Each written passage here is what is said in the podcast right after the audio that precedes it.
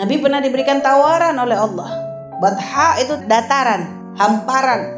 Makkah hamparan kota Makkah. Lahu zahaba dirubah diganti menjadi emas, hamparan emas. Nabi dikasih pilihan. Mau nggak ya Rasulullah? Jadi dataran Mekah dirubah semuanya menjadi emas. Engkau bebas untuk memilikinya. Famakhtara dzalik. Tapi kita nggak milih itu.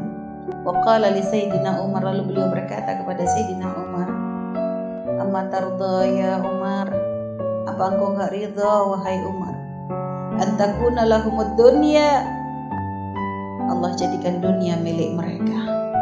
Walanal akhirah dan untuk kita adalah akhirat.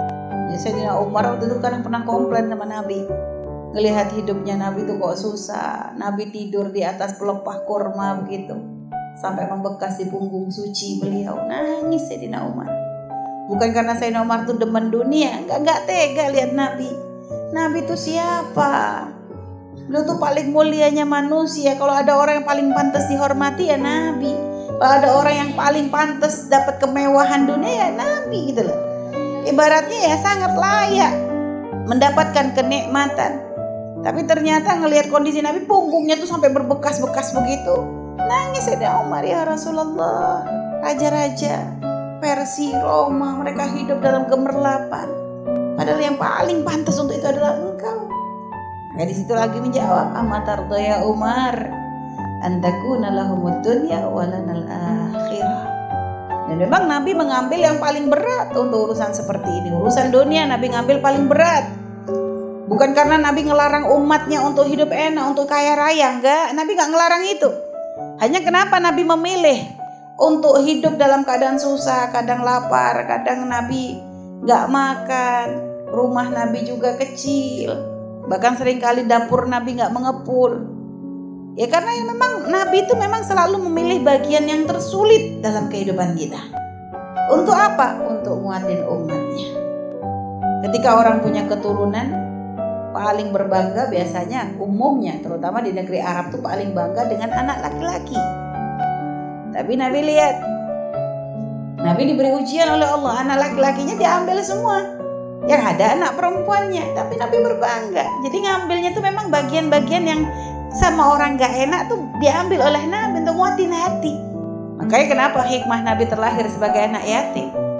Muatin nih, yang gak punya orang tua, yang diuji gak punya bapak, gak punya ibu, Nabi.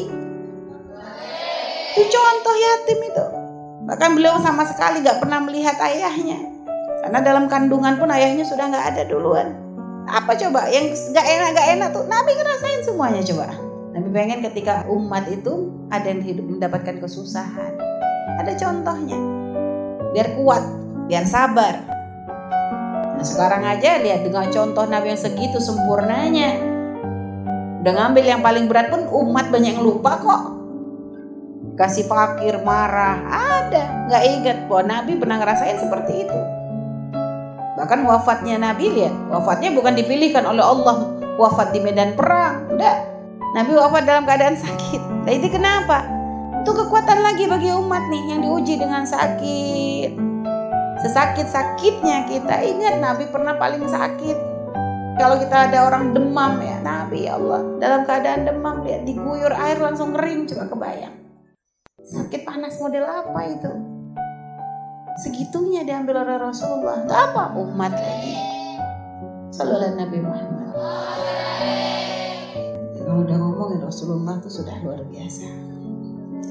Contoh cinta yang paling tulus